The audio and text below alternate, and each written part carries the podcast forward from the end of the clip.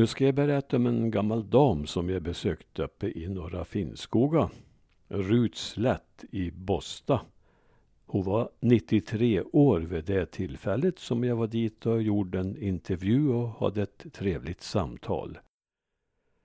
Det kom i tidningen Värmlandsbygden den 4 september 2008. Man ska inte ge upp även om det gör ont och tar emot. Bästa medicinen för både kroppen och tankeverksamheten är att hålla sig igång. Det försäkrar 93-åriga Rut Slätt i Bosta i norra Värmland och hon är själv det bästa beviset på att hon har rätt.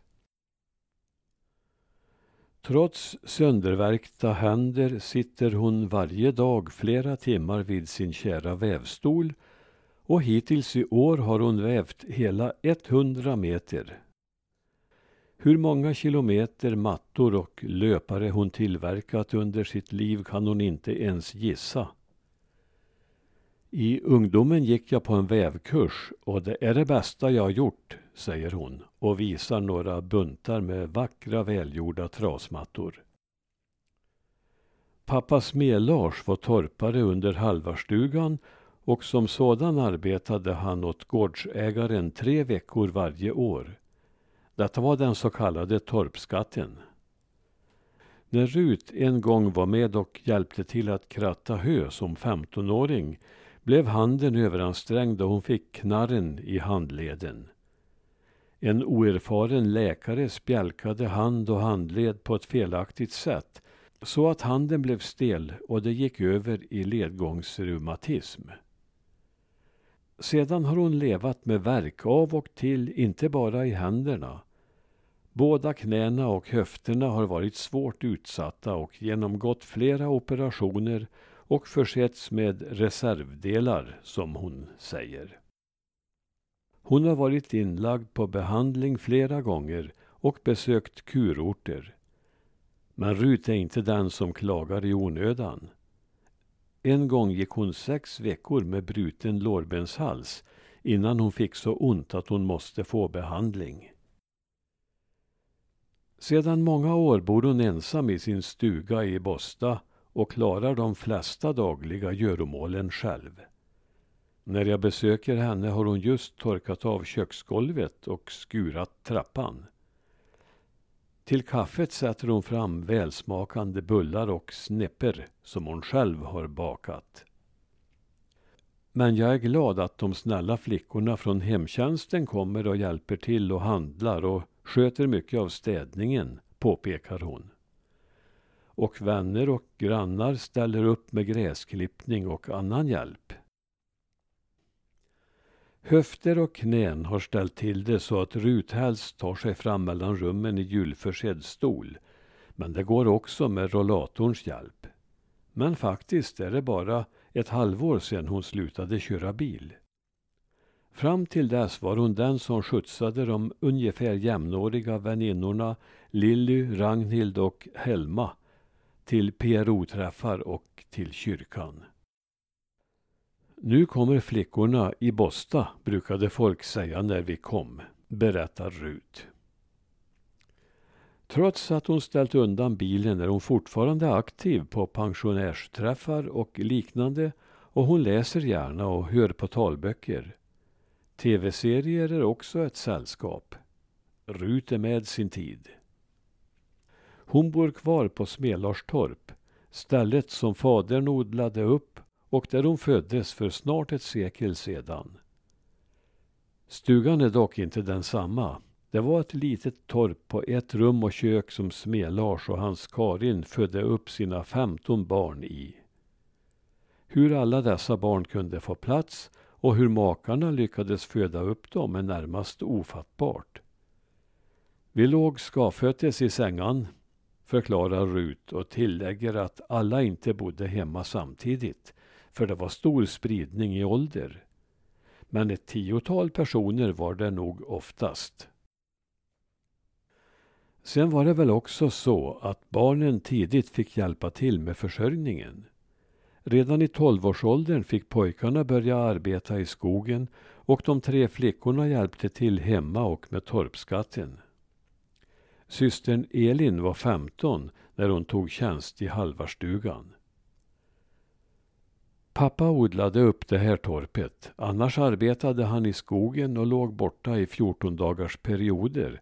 Så det blev ju mamma som fick dra det tunga lasset hemma. Hon skötte hushållet och tog hand om ko, getter, gris och kalv som man oftast hade. Och så fostrade hon oss barn. Hon var strängare än pappa, men det var kanske nödvändigt. Jag minns att när mamma skulle baka så gjorde hon i ordning degen på kvällarna och när vi vaknade på morgonen var allt utbakat och klart. Hon var också ofta borta i gårdarna och hjälpte till med slakt. Då hann hon med en hel slakt på en dag och det kunde bli många sådana dagar under en höst.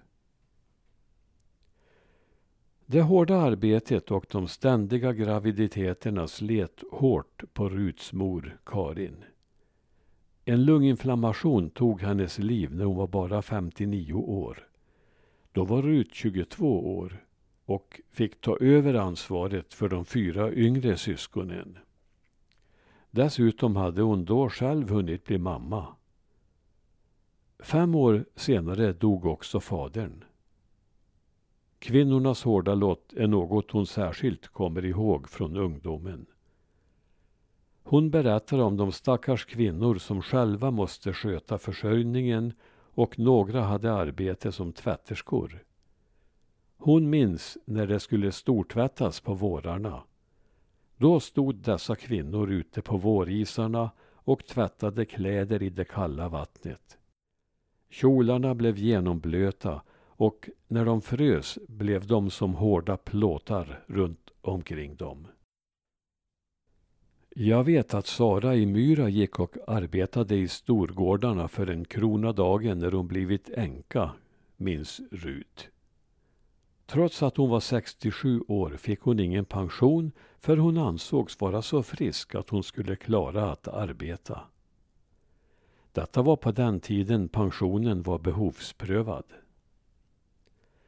Själv arbetade Rut en tid som hembiträde i Långflon i sin ungdom men så träffade hon Oskar Slätt och gifte sig. De fick en son. När då mor Karin dog blev Rut extramamma för syskonen hemma i Smelarstorp. Motgångarna har varit många men de har inte knäckt Rut. Men visst var det svårt när sonen Dan dog, bara 43 år gammal. Och nackdelen med att bli gammal är väl att se hur skaran av nära och kära glesas ut. Men tack och lov för vävstolen. Den har gett Rut sysselsättning och där har hon utfört ett stort arbete. Man kan säga att det var hennes onda knän som gjorde att hon mest har ägnat sig åt det stillasittande vävandet och en period i livet var hon föreståndare för arbetsterapin i Höljes. Detta är en tid hon minns med glädje. Man träffades under trevliga former och hade ofta musikanter med. Den tiden är länge sedan förbi men vävandet ger hon inte upp så länge hon orkar fortsätta. Vävstolen var tom när jag besökte Rut men en ny väv är snart uppe och så hinner det bli några tiotal meter till innan året är slut. Bästa medicinen för både kroppen och tankeverksamheten det är att hålla sig igång. Det vet Rut.